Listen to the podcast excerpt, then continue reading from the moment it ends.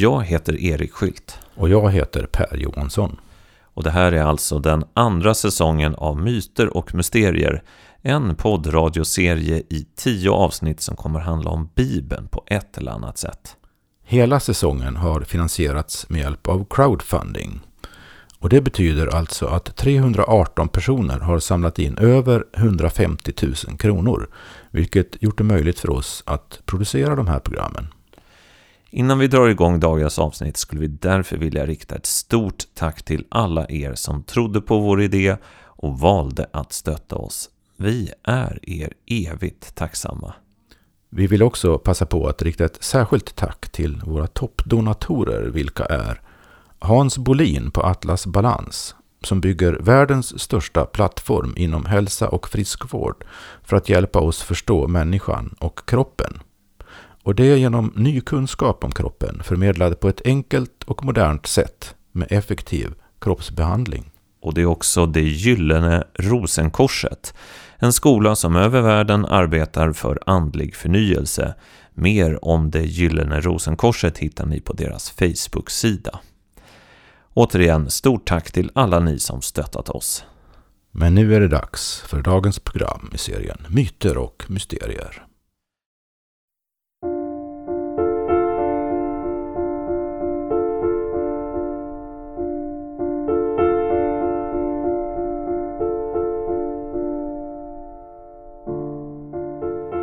Vi börjar närma oss slutet av den här säsongen.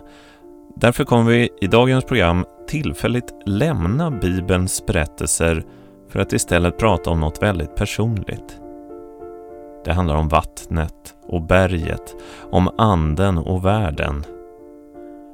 För tänk om det på riktigt finns en hemlig förändrande kraft. Något som gett liv till olika andliga traditioner och inriktningar i alla tider. Ett möte med den kraften leder snart till de grundläggande frågor som människor ställt sig i alla tider. Vem är jag? Vart är jag på väg? Finns det någon mening med just mitt liv? Dagens program har rubriken Vägen.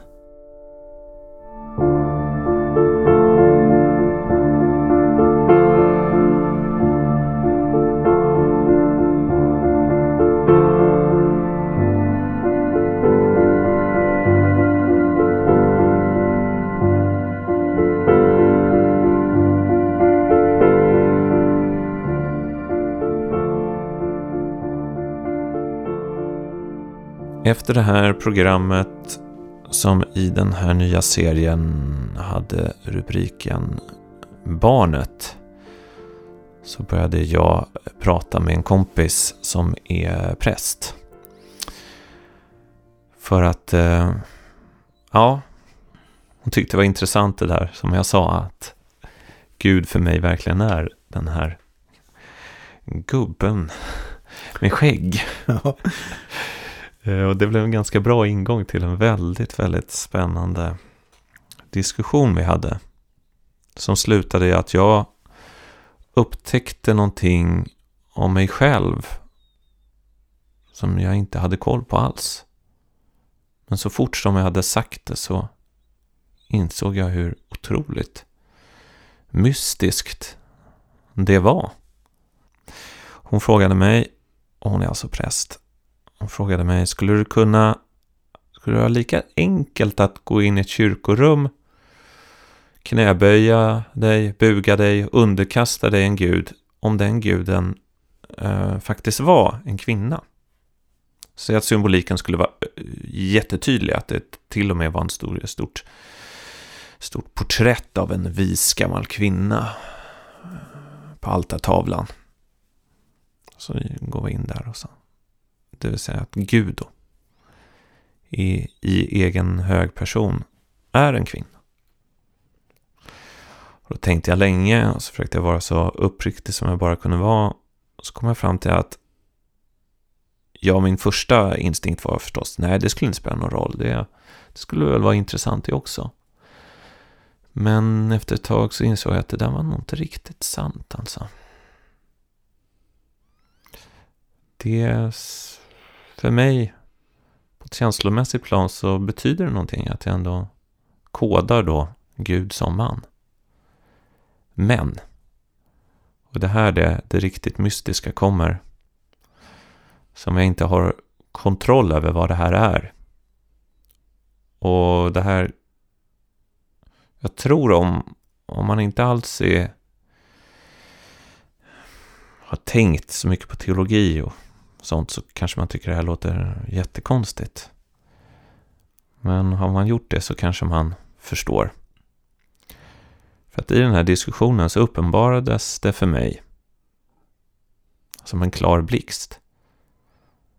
Att när jag går, träder in för Gud i då ett kyrkorum eller i en kristen ritual så blir jag kvinna.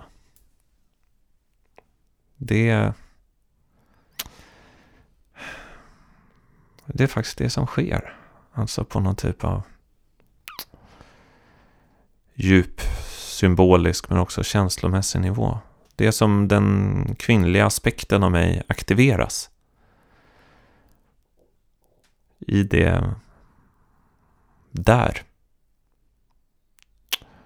Och den här, vad det här är har jag inte kontroll över riktigt. Men min kompis då, hon svarade att mm, eh, du är inte den första som berättar det här. Det är snarare det här som det handlar om. Mm. Och då började jag verkligen fundera. Vad är det här egentligen? Vad är det som händer? Men vad menade hon där när hon sa det, det sista? Att eh, det är så det brukar vara? Alltså... Ja, alltså jag, inte... Vad var det som var som det brukade vara? Om jag säger så. Ja, men så här då. Jag, jag, jag, vill inte liksom redogöra för hela vår diskussion här. Den, den är liksom kanske för personlig. Ja, nej, det men, behöver men, men, men, men så här då. Rent teologiskt. Mm. Vem är, vad är församlingen? Jo, Kristi brud. Ja, just det. Det är traditionellt. Kyrkan är alltså en kvinna. Mm. Precis. Och likadant, det finns ju uppsjöar av manliga mystiker och munkar som genom århundradena har, har sett sig som i, i princip då feminina mottagare av, av, av Gud. Guds mm. nåd, så att säga. Mm. Det, det, det, som jag pratat om i tidigare program, något tidigare program, jag minns inte vilket just nu. Om äh, lyssnandet, lyhördheten, mottagligheten, det passiva, låta sig ingjutas som det feminina. Mm. Det stämmer ju på det sättet. Då. Det, det, det är liksom det. Precis. Ja. Men for, du var på väg någonstans. Det var inte meningen att avbryta i och för sig. Men jag kände att jag ville ha det. Liksom. Ja, alltså jag kan väl säga så här att jag inte riktigt kan... Eh, jag har inte grepp om det här fullt ut. Men... Eh, det är väl lite sådär om jag ska se någon... Det finns en staty i Rom av Teresa av Avila. Som heter i stil med den heliga Teresas extas. Mm, just det, känner jag till. Av Bernini. Verkligen sån här höjdpunkt inom barocken. Ja. Och den där statyn brukar problematiseras ganska ofta. Så här, aha, här försöker de liksom eh, förtäckt spela ut något erotiskt. Det är liksom en världslig ambition bakom hur, hur hon framställs här. För att det, det finns något i den här extasen som hon uppvisar i statyn så finns det ju något, alltså det finns något erotiskt i det, absolut. Och över henne så står en ängel med ett spjut i sin hand. Och det där har sådana här psykoanalytiker gått och tittat på. Så här, ja, det här är ju liksom en sexuell symbolik rakt igenom. Men jag känner mig besläktad med den statyn. Så den... Jag tycker jag förstår den. Tycker jag känner igen den. Någon typ av gudomlig, mystisk extas. Med den här ängeln som kommer med spjutet och sticker det rakt i hjärtat. Jag själv skulle nog inte kunna identifiera mig med en man som är på en sån, en sån staty eller målning eller konstverk. Och det är där de här funderingarna börjar. Vem blir jag inför Gud helt enkelt? Eller ännu mer då teologiskt, mystiskt. Vem blir jag uppfylld av helig ande? Mycket intressant. Jag märker när jag försöker relatera personligt till det du just har berättat. Att eh, jag vill inte säga att jag är tvärtom, men det är kontrast alltså, faktiskt. För eh, om, vi, om, om, om jag börjar i den ursprungliga änden med hennes fråga om du kom in i en kyrka och där var en bild av en vis kvinna som var Gud. Istället för din skäggige fader. Och så säger du att du skulle ha, du skulle ha, det känns mer naturligt för dig för att relatera till en manlig symbol här. Nu går jag aldrig i kyrkan så att jag kommer inte att göra det heller. Så att på det konkreta planet så kan jag inte relatera alls. Men jag kan säga så här att för mig har nog det gudomliga, anden, alltid varit feminin. Mm. Ända ut i alla symboliska uttryck och förvecklingar. Så jag, jag, skulle in, jag skulle inte känna mig, kunna känna mig feminin på det sättet. Det är faktiskt en anledning, anledning till att jag har känt ett instinktivt motstånd mot de här fromma munkarna som jag nämnde innan. Deras attityd. Inte så att jag inte förstår betydelsen av det. Jag förstår symboliken. Jag förstår den implicerade metafysiken i det. Men jag kan, jag kan faktiskt inte subjektivt personligen relatera till det på det sättet alls. Nej. Intressant att det kom ja, fram detta. Ja. För det har vi aldrig pratat om nej, faktiskt. Nej. Men, här finns också en skillnad. Du, du nämner här, jag går inte i kyrkan. Det gör du ju inte. Nej. Jag menar, det...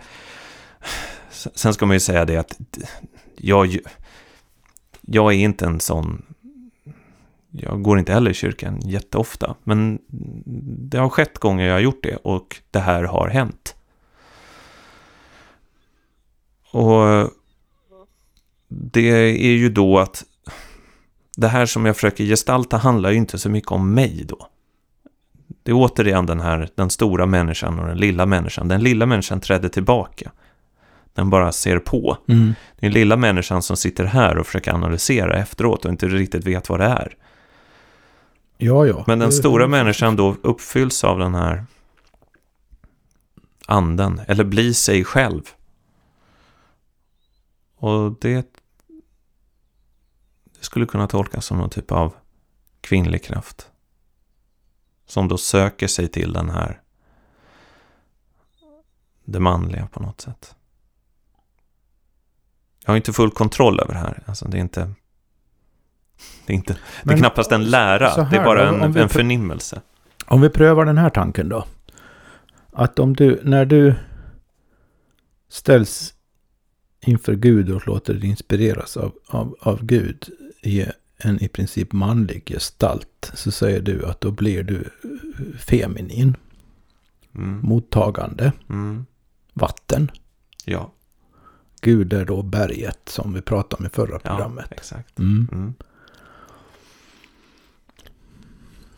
Så Gud är stabiliteten liksom. Det är någon sorts orubblighet. Någon sorts otvetydig, otvivelaktig liksom, existens. Mm. som vattnet form, låter forma sig Ja. av. Om jag använder den, hela den tankefiguren på vad jag just så, som jag märkte var min inställning, är min inställning. Så skulle jag säga att jag, det är jag som är berget och Gud är vattnet. Mm. Och vattnet gör mig mjukare. Jo. Men det, du, det är samma erfarenhet här. Det tror jag också. För att jag är ju berget på något sätt också. Men det som händer då för mig i de här speciella mystiska ögonblicken, det är ju att vattnet kommer. Förstår du? Så det är ju en... Vattnet kommer, hur då menar du då?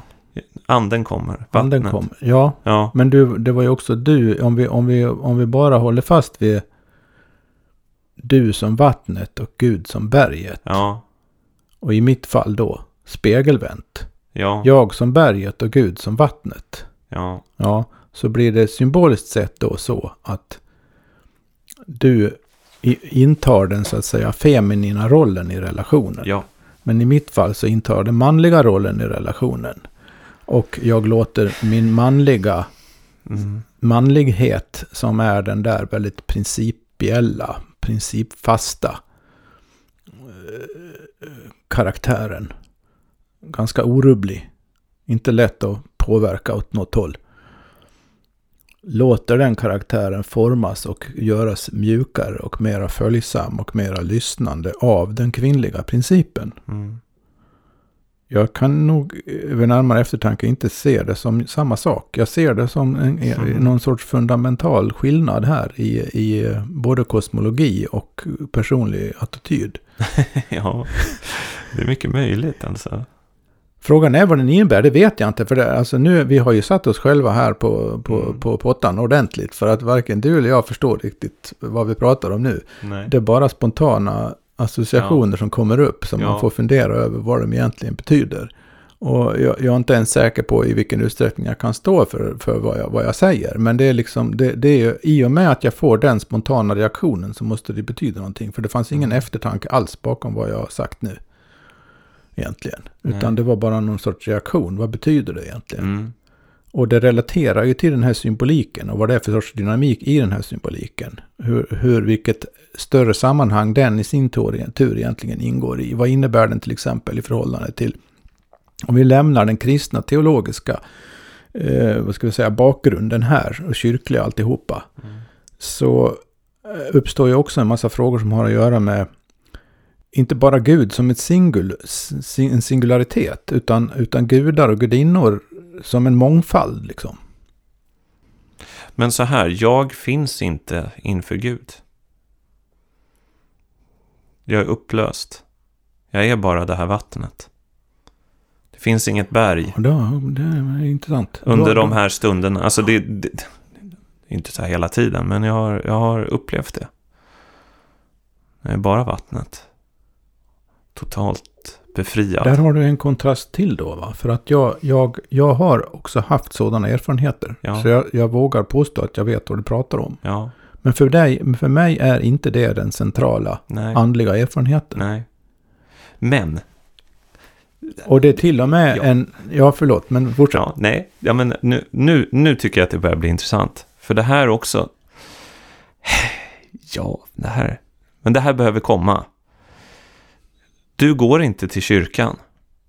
Varför går jag till kyrkan? Det är inte så att jag på något sätt är sådär skriver under på alla dogmer eller tycker kyrkan är liksom jättebra. Jag, jag tror att du, du och jag i grunden har samma liksom, intellektuella förhållande till kyrkan. Ungefär. Ja, jo, men det vet Sam, vi ju. Ja, ungefär samma typ av kritik, men samtidigt så finns det saker man uppskattar. Men jag har ändå gått dit. Och när det är utan ande och utan inspiration och utan inlevelse, då är det helt värdelöst. Då blir jag bara deprimerad. Men ibland så har det faktiskt funnits någonting. Där den här då mystiken, som man kan finna på en massa andra platser också, uppenbarar sig. Mm. Och då, det är då det här har hänt. Och skillnaden i oss kanske att jag längtar ju aktivt efter den här uppfyllelsen, alltså överlåtelsen. Jag-upplösningen skulle man kunna kalla det också. Det är någonting som jag aktivt har sökt upp. Är det inte där skillnaden ligger jo, mellan jo, oss båda? Att du inte... Du har inte gjort det på samma sätt. Nej, jag är inte ens intresserad av någon jagupplösning. Jag har erfarit, erfarit jagupplösning ett flertal gånger. Mm. Och det är en överväldigande, enastående erfarenhet som säger någonting om, om eh, tillvaron. Men för mig är det inte någon mening och mål i sig det tillståndet har ingen mening och mål i sig annat än att uppenbara en viss aspekt av existensen. Mm. För, för mig är meningen och målet snarare att låta att, att för att vad, vad, du säger är egentligen, om vi, om vi tar den här metaforen med det stora och det lilla jaget ja. igen. Ja. Så, så för dig är meningen på något sätt att det lilla jaget ska upplösas i det stora jaget. Mm. I alla fall tillfälligt, i alla fall som en del. Det är i alla fall meningen att det ska hända i den här religiösa kontexten. Ja, för, och, och det stämmer ju också kosmologiskt eftersom det lilla jaget är det stora, är, är liksom det som existerar här i världen. Medan det stora jaget är, är i princip evigt, det vill säga inte tidsberoende på samma sätt. Ja. Så, så, så, eh, det betyder då att när det lilla jaget upplöses i det stora jaget så upphör det på rätt sätt och vis att existera. Och i och med i relation till tiden framförallt. Och, och vär, denna världen. Och det betyder också då att det egentligen tappar förmågan att relatera till den här världen i det tillståndet. Ja. Och det är också vad mystiker berättar, att de, de, de, de lämnar ju den här världen helt, mm. egentligen. Ja. Och det är så väldigt många mystiska eh, discipliner, inte bara i kristendomen, utan det är ju eh, eh, mycket tydligare i, i buddhismen egentligen. Men är, för mig är det lite samma, va? och det går ut på just den där upplösningen uppgåendet i, vare sig man tänker sig som uppgåendet i alltet eller föreningen med Gud eller hur man nu vill konceptualisera det.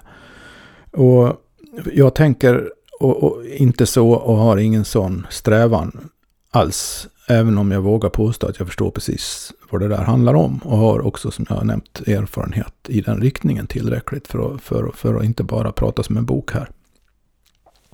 Så eh, för mig, eh, om vi återgår till stora lilla jaget, så är det snarare så här. Att för mig är meningen att det lilla jaget ska bli kapabelt att förmedla det stora jaget här i denna världen. Så det lilla jaget måste fortsätta att vara det lilla jaget, men förvandlat av det stora jaget.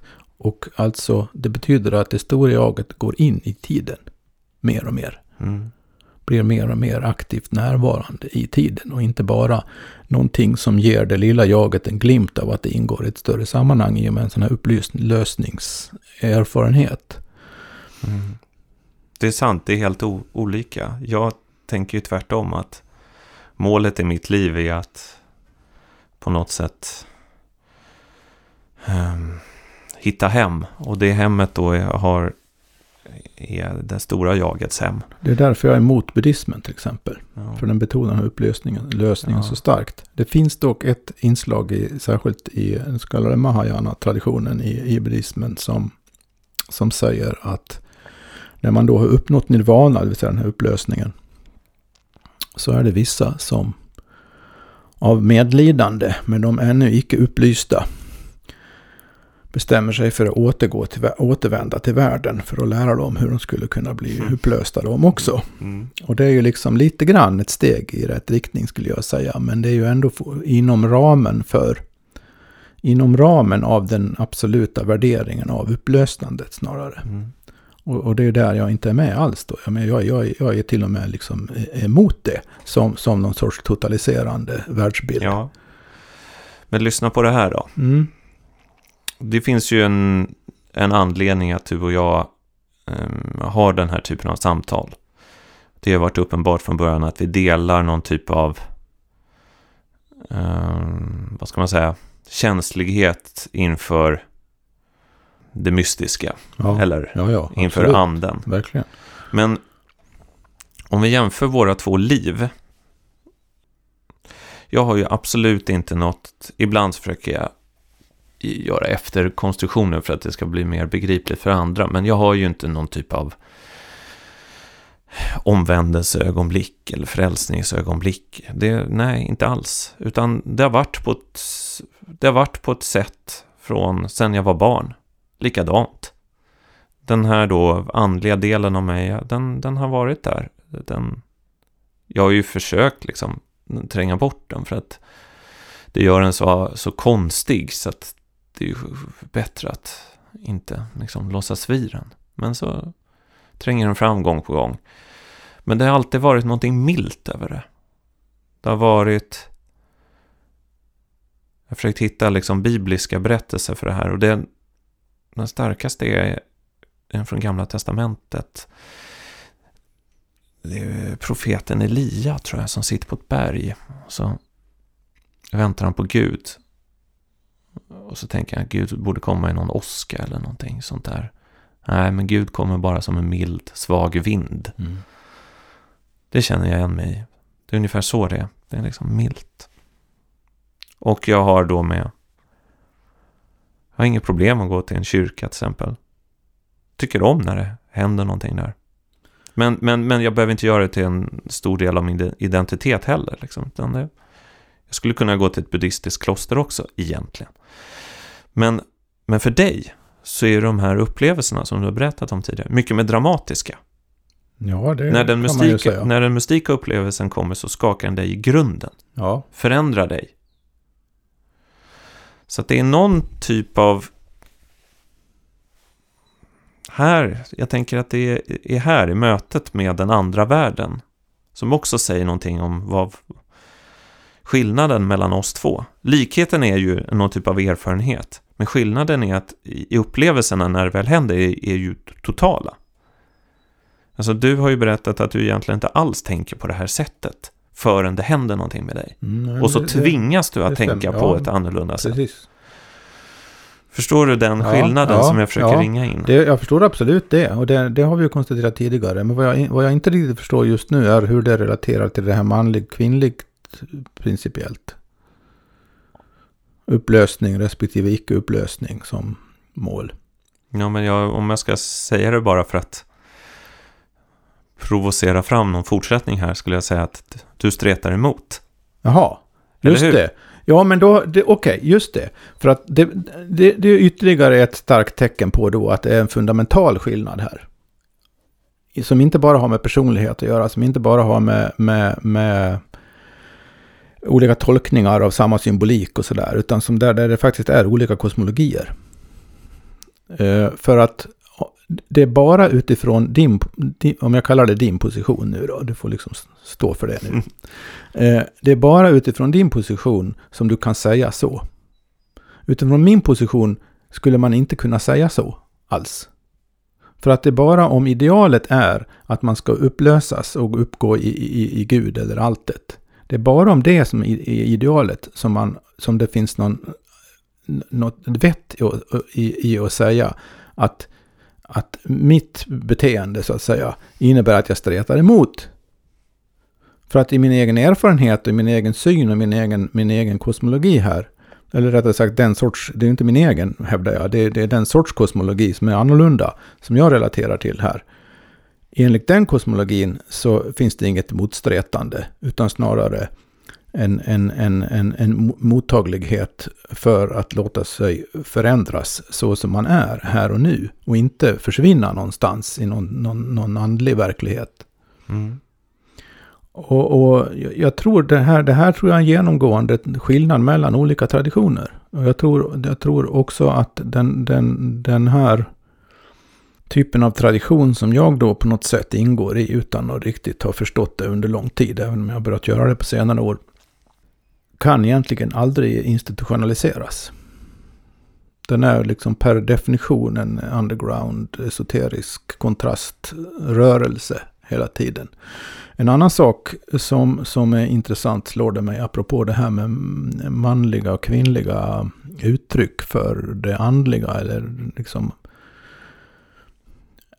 jag skulle vilja säga att alla mina avgörande erfarenheter på mina, min andliga väg har i, vid alla de tillfällena, oavsett vad de har inneburit, så har det varit en kvinna närvarande.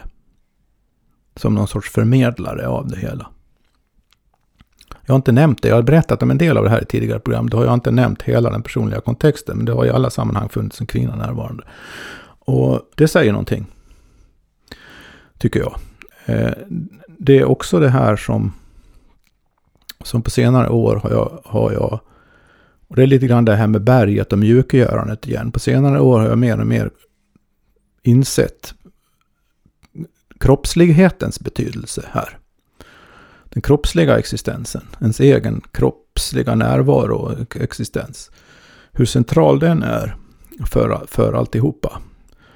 Och där har det också varit kvinnor, framförallt min, min närmaste kvinnan i mitt liv, min fru, har, har verkligen liksom varit den som har gjort det här onödigt stabila berget mjukare och mera kroppsligt formbart närvarande här i den här världen. Som någon sorts, och det, det, det är intressant att den sidan av saken kommer på ett relativt sent stadium ifrån till de andra inflytandena då, som hade en mera intellektuellt omvälvande karaktär, som liksom förde in mig på den här vägen. Så att jag, jag, det är som om jag måste nås först via, via tanken. Först när den kan börja förvandlas. Först när den kan få en annan mottaglighet. Först när den kan lära sig att lyssna och så vidare. Som, som i ett mycket senare skede så kan den här kroppsliga närvaron och medvetenheten få en chans. För att i mitt fall hade det inte, liksom inte, faktiskt inte gått att börja där. Va? Så det finns en intressant mm. succession där mm. också som, som stödjer kosmologin jag, jag ja, menar att ja. jag följer. Nämligen att det handlar om att det lilla jaget ska manifestera det andliga. Mm. Det vill säga även kroppsligen då ju på något sätt. Det här är... En sorts närvaro. Ja. Hmm. Jag får verkligen tänka här. Alltså... Um... Jag funderar på om det finns om det är så att det finns en väg och att vi är på olika delar av den vägen. Eller om det faktiskt på riktigt finns flera vägar. Jag är inte helt säker på hur det, hur det är. Men eh, jag har ju aldrig varit så intresserad av den här den lilla människan då. Den har jag tyckt var, varit i vägen på något sätt. Ja. Trött på den. Ja. Den är jobbig. Den, den är liksom inget kul. Och därför så tycker jag om så mycket att låta den här, den större människan tala. Då blir det liksom någonting av värde. Som jag sa tidigare, liksom den här... Du har ju en unik eh, dubbelkompetens.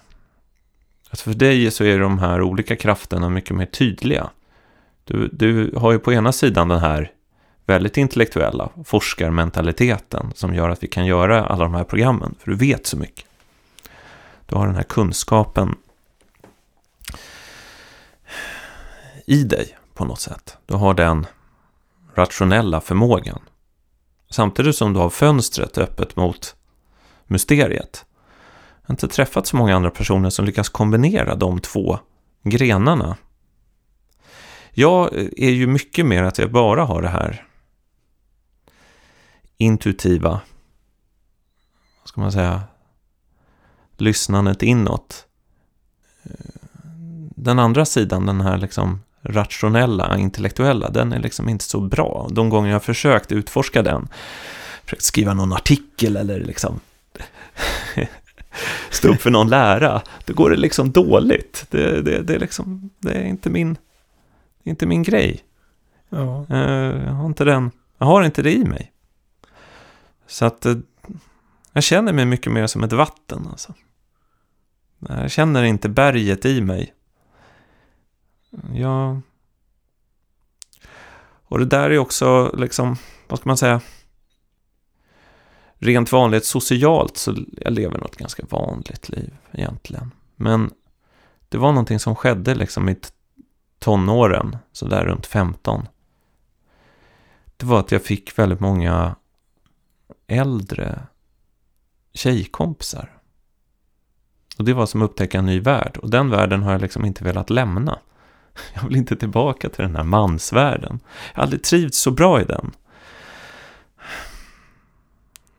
Jag vill liksom bli en annan på något sätt. Förstår du? Det, det är också Mm, det här ja, som ja, är skillnaden. Ja, ja. Jag längtar efter förvandlingen. Jag går och väntar på att den här förvandlingen ska ske. Men du, du tänker mer på förädling, eller hur? Det skulle man kunna säga. Ja. Just det. Jag har inget problem med den här själsliga, och jag tycker att jag är, är uppe i den också. Den här själsliga förvandlingen. Den, den pågår ju liksom. Den är inte stillastående, det är den inte. Jag tror att man, vi måste nog konstatera här att det finns minst två vägar här nu då. Som, för att människor är olika. Personer är olika. Alla är inte samma. Alla har inte samma motivationer. Alla har inte samma intressen. Alla har inte samma förmågor eller begåvningar. Eller, eller, eller liksom drivkrafter. Det, vi är olika. Men det är inte ett oändligt antal. Det är liksom inte sju miljarder olikheter här. Nej. Utan jag tror att det är ett väldigt begränsat antal grundtyper av människor egentligen. Det tror jag också. Och, och det är inte på något sätt orimligt att tänka sig att den här relationen mellan den större och den min, mindre människan, mellan Gud och världen skulle man kunna säga. Att, eller, eller, eller vilka begrepp man nu vill använda liksom. Det viktiga är relationen. Eh, den relationen och hur den utvecklas och hur den kan manifesteras. Vil, det vill säga vilken väg i praktiken man så att säga går här i relationen världen-Gud. Vi använder de termerna bara för att vi befinner oss i den västerländska traditionen. Jag behöver inte krångla till det genom att dra en massa parallella termer. Vilken väg man följer där är beroende av vilken typ av människa, typ av liten person skulle man kunna säga man är. Kanske mm. typ av större person också. Det kanske är faktiskt så att de här mera eviga själsliga världarna består också av olika person, persontyper och kategorier. Det kanske går liksom en bra bit upp i, i, i den kosmiska skiktningen här. Behöver inte begränsa det till denna världen. Men i alla fall, grundtanken här nu då som jag försöker hålla fast vid är det här att, att det finns ett, ett, ett visst antal människotyper som vi alla in, in, är, är förkroppsligar. Förutom alla som ligger alltså under och bakom och sitter djupare än, än alla ytliga olikheter som ju kan vara hur, hur stora som helst naturligtvis. Och, som, och de här grundtyperna av människor tror jag inte heller har något med kön att göra. Men det måste ju då innebära egentligen att om det finns någon sorts mening med tillvaron som är att de här två aspekterna av, låt oss kalla det nu, tid och evighet ska kopplas ihop och kunna relatera till varandra på något sorts kreativt sätt. I teologisk mening kreativt sätt. Då måste det anpassas till vägarna måste anpassas till den typ av person Mm. man är. Mm. Och det betyder att det är helt missvisande, meningslöst och destruktivt att utmåla det här som någon sorts motsättningar. Mm.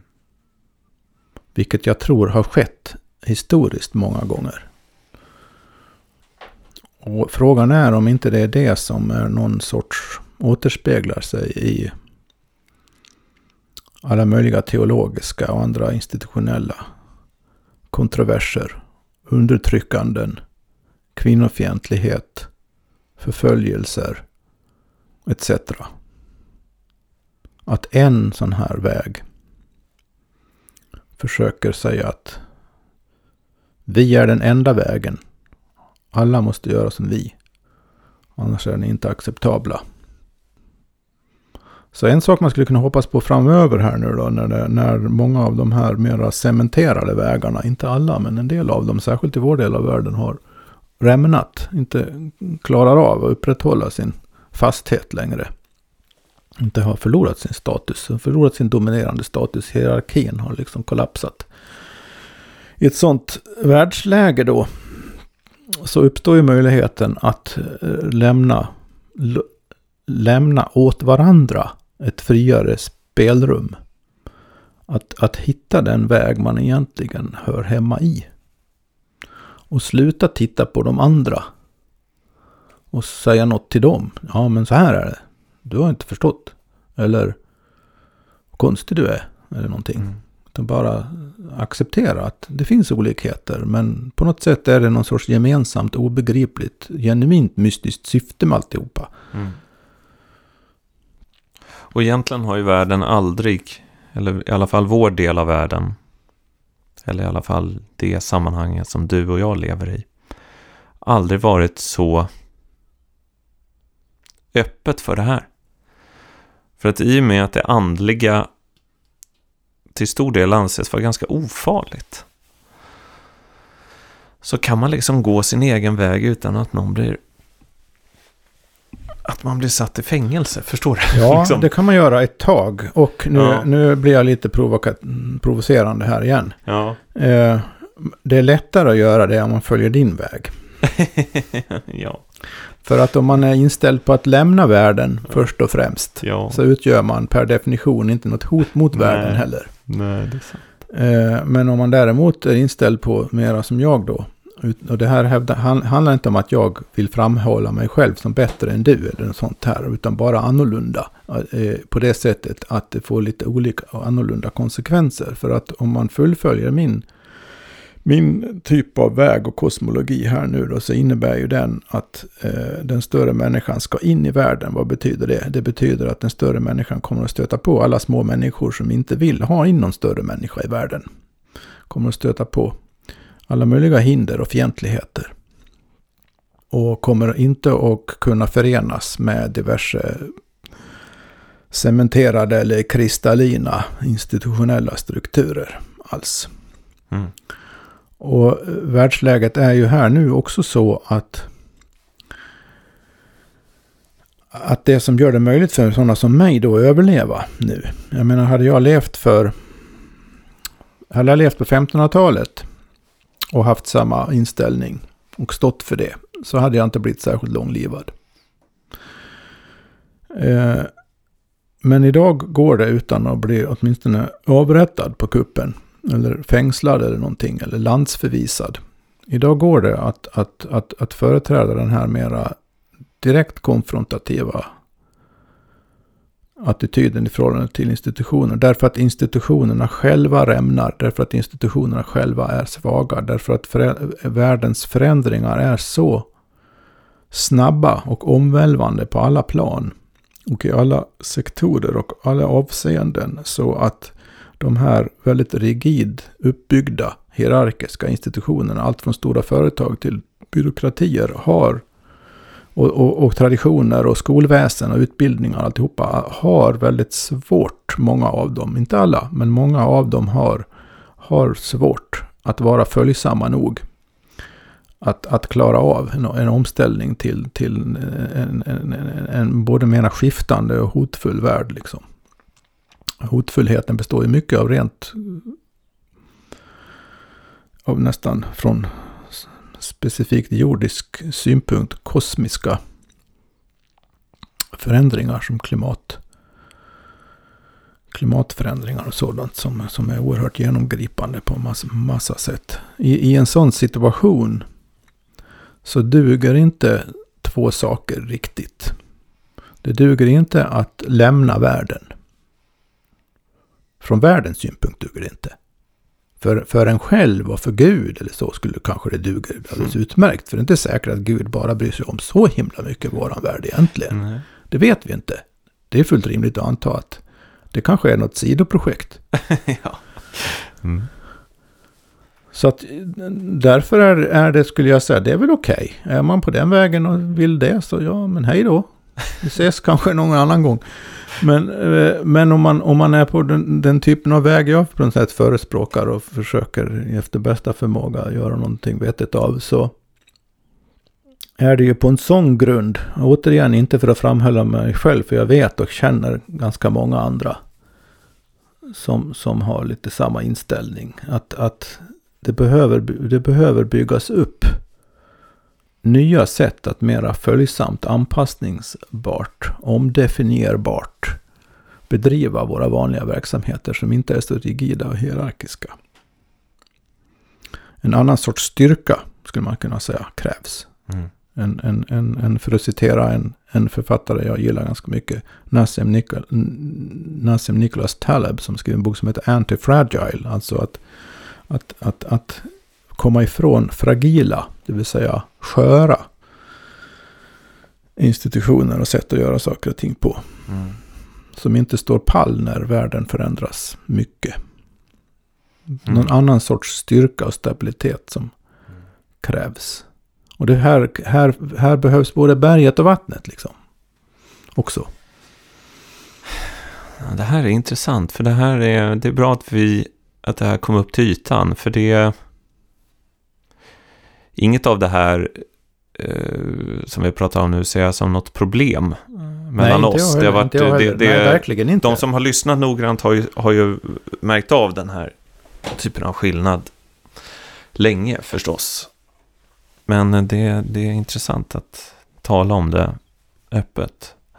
Men så här då, för, en, för att få en avslutning på det här tänkte jag ställa en till fråga. Alltså en av mina djupaste andliga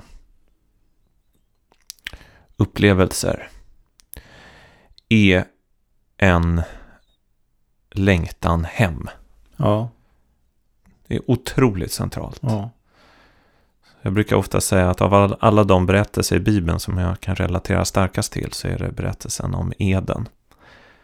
Det vill säga en trädgård där harmoni och balans en gång rådde. Därifrån vi blev fördrivna. Och eh, livet handlar på något sätt om att hitta tillbaka dit. Till enheten som en gång fanns. Mm, mm, mm. Och eh, mm, jag tycker att de här mest och starkaste upplevelserna har jag nästan fått i liksom, musiken, konsten, poesin. Och då är det som att ja, den musiken då, den talar från den, från, den kommer från Eden, den kommer från den källan. Den är också direkt förmedlad. Det är inte så att den behöver omtolkas. Den, den är ett direkt uttryck för det där. Den är helt enkelt den röda tråd genom labyrinten. Som leder hem igen. Mm. Men i den här djupa hemlängtan så finns ju också en, en, vad ska man säga, en leda inför världen. Och det där är ju, det är väl där det blir problematiskt. Mm. Det är klart jag brottas med det en del, men eh, jag börjar mer och mer försonas med att det, det är på det här sättet. Ibland så tänker jag ju som vi för länge sedan tog upp i ett annat program, att vi pratade om reinkarnation. Vilket intressant nog är en så otroligt okristen term.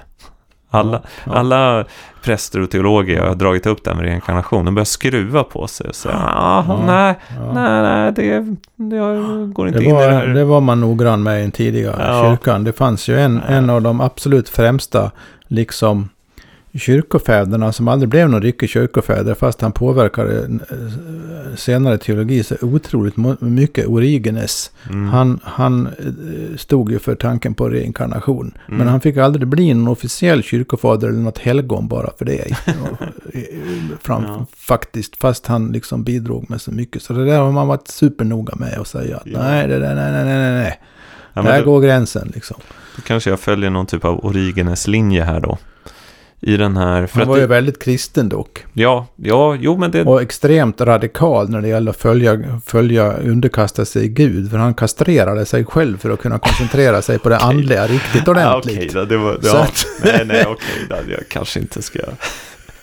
det, det, är bra att jag får hela bilden här, ja. så jag inte... Uh, högt och offentligt redogör min Origenes trogenhet. Nej, okej, okay. men i alla fall. Jag säger nu inte att jag tror på det här med tidigare liv. Jag säger bara att det, det är en berättelse som eh, slår, slår an någonting hos mig själv. Jag tycker jag har gjort mycket i världen. Liksom. Jag, på något sätt. Jag bär med mig någon typ av... Ja, men det har du ju. Det, det finns ju en liten paradox hos dig här på ett sätt. Ja. För att innerst inne så är jag, det, det, har jag ju, förstår jag ju, och du har sagt det själv nu, att att, att så, så följer du den här liksom hem, hemvändande vägen. Ja, jo. Men utåt sett, i din världsliga närvaro, så är du ju bokstavligen väldigt närvarande i världen här i Sverige, om man säger så. Jo, jag vet. Ja, Och gör, gör, påverkar människor och gör en, gör en massa som får effekter liksom. ja. Så att Men det, På det bara, sättet ja, så- Men det ser jag inte som någon typ av kärnverksamhet. Det är Nej. liksom bara en biprodukt. Ja, är, ja. och det är sympatiskt i och för Ja, sig, mm. naturligtvis. Så, ja, och, och jag skulle kunna tänka på mig själv på samma sätt också. Men apropå den, i viss utsträckning, men det finns, vi har ändå den här kontrasten Ja. som vi har ringat in. Men jag, jag, jag, jag känner, känner nu också att jag måste faktiskt, för att vara helt uppriktig här, komplicera min egen livsbana. För att, som du vet, och de som har följt våra program också har förstått, så har jag ägnat abnormt mycket tid i förhållande till vad jag egentligen nu säger att jag strävar efter och tror på. Eller står för rättare sagt. I förhållande till det abnormt mycket tid med att fördjupa mig i den kristna traditionen. Det är någonting som liksom eh, inte riktigt stämmer. Nej. Nej, och, och, och hur kan det vara så då? Jo, det har jag börjat få lite självinsikt i på senare tid. Nämligen så här att den här hemlängtan har hos mig periodvis och ibland under mycket lång tid, många tider, varit enormt stark. Det är liksom som om man skulle kunna dramatisera det lite och säga så här. Att det är som om jag har kommit hit till världen med någon sorts uppdrag som jag inte vet att jag har haft. Dramatisering som sagt, ta den med en nypa salt det här nu. Det är bara för att göra, göra, göra det tydligt. Ungefär som att få ett jobb. Du ska, som man inte riktigt vill. Och, och, och, och så, så egentligen vill man vara kvar där man kommer ifrån. Säg, säg att man kommer från någon mera himmelskt ställe. Och så kommer man hit till världen. Och, och har det där med sig på något vis. Och, och, och, så, och, så, och så märker man att nej, vad jobbigt. Pallar inte. Och, och det händer saker i livet som rycker upp en med rötterna. Som till exempel när jag var tio år så, så flyttar vi från Rättvik till Borlänge. Det låter som en kort sträcka för en vuxen person i denna kosmopolitiska värld. Men för ett litet barn på 60-talet så var det för mig en, en traumatisk upplevelse bokstavligen. Att komma från den här lilla idylliska Rättvik. Som var extremt litet och idylliskt på den tiden. Till den här mera våldsamma, burdusa industristaden Borlänge.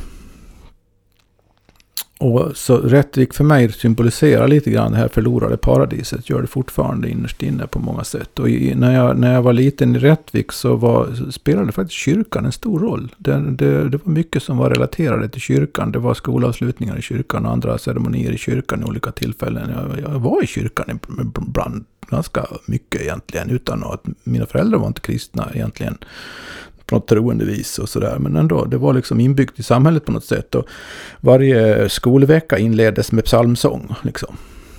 Kristendomskunskapen var ett ganska stort ämne i skolan. Så att Rättvik för mig och kristendom hör liksom ihop. Barndom och kristendom och det förlorade paradiset och alla möjliga kyrkliga uttryck hör ihop för mig. Så det här tror jag faktiskt är någon sorts omedveten existentiell motivation och ett intresse för kristendomen. Jag kan känna, den hem, känna igen den här hemlängtan att, att ja, men det skulle vara förbaskat skönt att kunna bara ansluta sig till en kyrka och så kunde man vara där. Och så skulle man slippa bekymra sig om en massa. Så skulle man bara tro som man skulle tro. Och så skulle man bara göra, vara med i alla ritualer som man skulle vara med i. Och det skulle kännas jätteskönt. Jag skulle liksom slippa vara så himla tänkande, intellektuell och ifrågasättande och, och kritisk och upprorisk och allt möjligt. Jag skulle slippa allt det där, för det är ganska jobbigt. Eh, om jag ska vara riktigt ärlig nu så är det en ganska stor del av motivationen bakom mina kristendomsstudier. Sen lyckligtvis har jag bibehållit en viss intellektuell aspekt av det hela också. Så jag har lärt mig en del och kunnat kritisera och förstå. Men så småningom då så har jag liksom ändå av livets omständigheter tvingats ur den där hemlängtande aktiviteten. Och liksom, nej, fan skärp dig. Nu, nu, nu är du här och ska åstadkomma någonting. Och du ska, det du ska åstadkomma är inte att bli någon, någon, någon, någon kyrk kyrklig av, kyrkligt avkopplad person. Du ska åstadkomma något annat. Så, så upplever jag väldigt eh, Mm. mycket faktiskt. Och, och, Mm.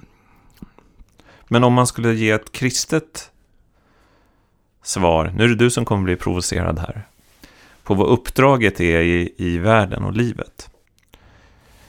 Jesus säger faktiskt att vi ska bli som barn för att komma in i Guds rike. Mm.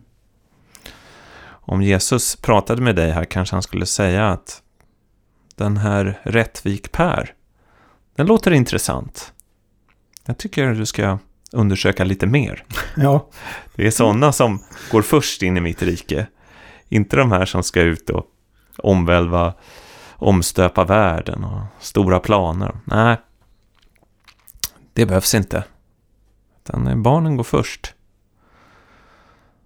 Så mycket möjligt att han har någon, mm. tänk mm. att han har någon Mm. plan där. Då slår det mig följande, nämligen att det ligger mycket i det där. eh, För att jag hade under många år då, delvis parallellt och i kontrast till den här hemlängtande kristendomsstudierna, så hade jag hade jag väldigt världsliga ambitioner.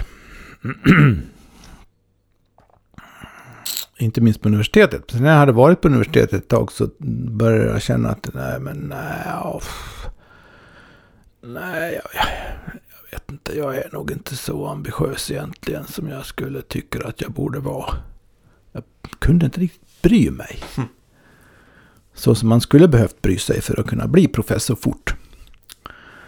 Så jag lämnade universitetet för 11 år sedan nu. Det, det, det, det kanske inte alla lyssnare som har- vet det, men det gjorde jag. Och under de 11 åren har det hänt väldigt mycket. Framförallt har jag... Då hade jag fortfarande också, när jag först lämnade universitetet, hade jag också den där världsliga liksom, ambitionen att åstadkomma någonting. Men för, för, för 28 år sedan typ så, så började jag ge upp det där. Och jag har länge nu känt att jag har egentligen inga ambitioner överhuvudtaget. Jag bara konstaterar på något sätt att jag är som jag är. Och, och som jag har sagt innan, om jag, om jag var med ett mera, ett mera orubbligt berg innan så har jag blivit ett mjuk, mera mjuk, mjuknat berg. En liksom lite mera vegetationsklädd, lite mera eroderande sluttning snarare. Och, och mera lyssnande.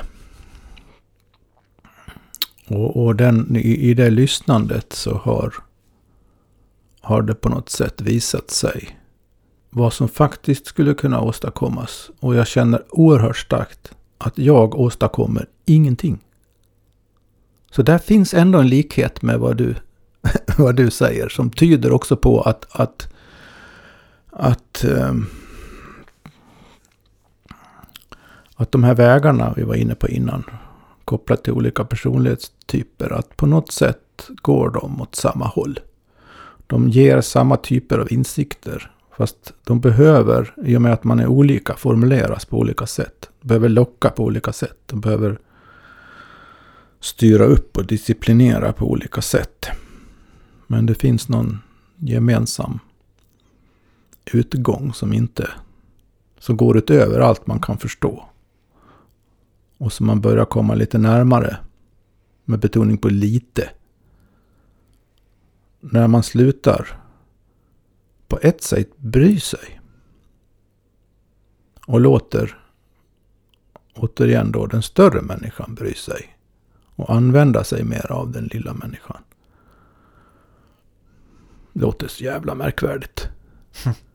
Det är inte meningen att låta märkvärdig alls. Jag känner mig totalt omärkvärdig faktiskt. I det här. Jag känner mig, för, jag känner mig verkligen bara som vem som helst.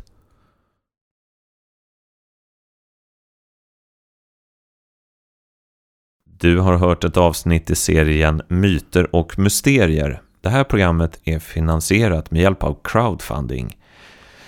Vi skulle avslutningsvis särskilt vilja tacka några av våra viktigaste donatorer som är Axel Bolin på Atlas Balans. Henrik Revenäs, Och Frihetsförmedlingen, Sveriges största förmedlare av frihet. Tillsammans med 315 andra givare har ni gjort det möjligt för oss att göra de här programmen. Stort, stort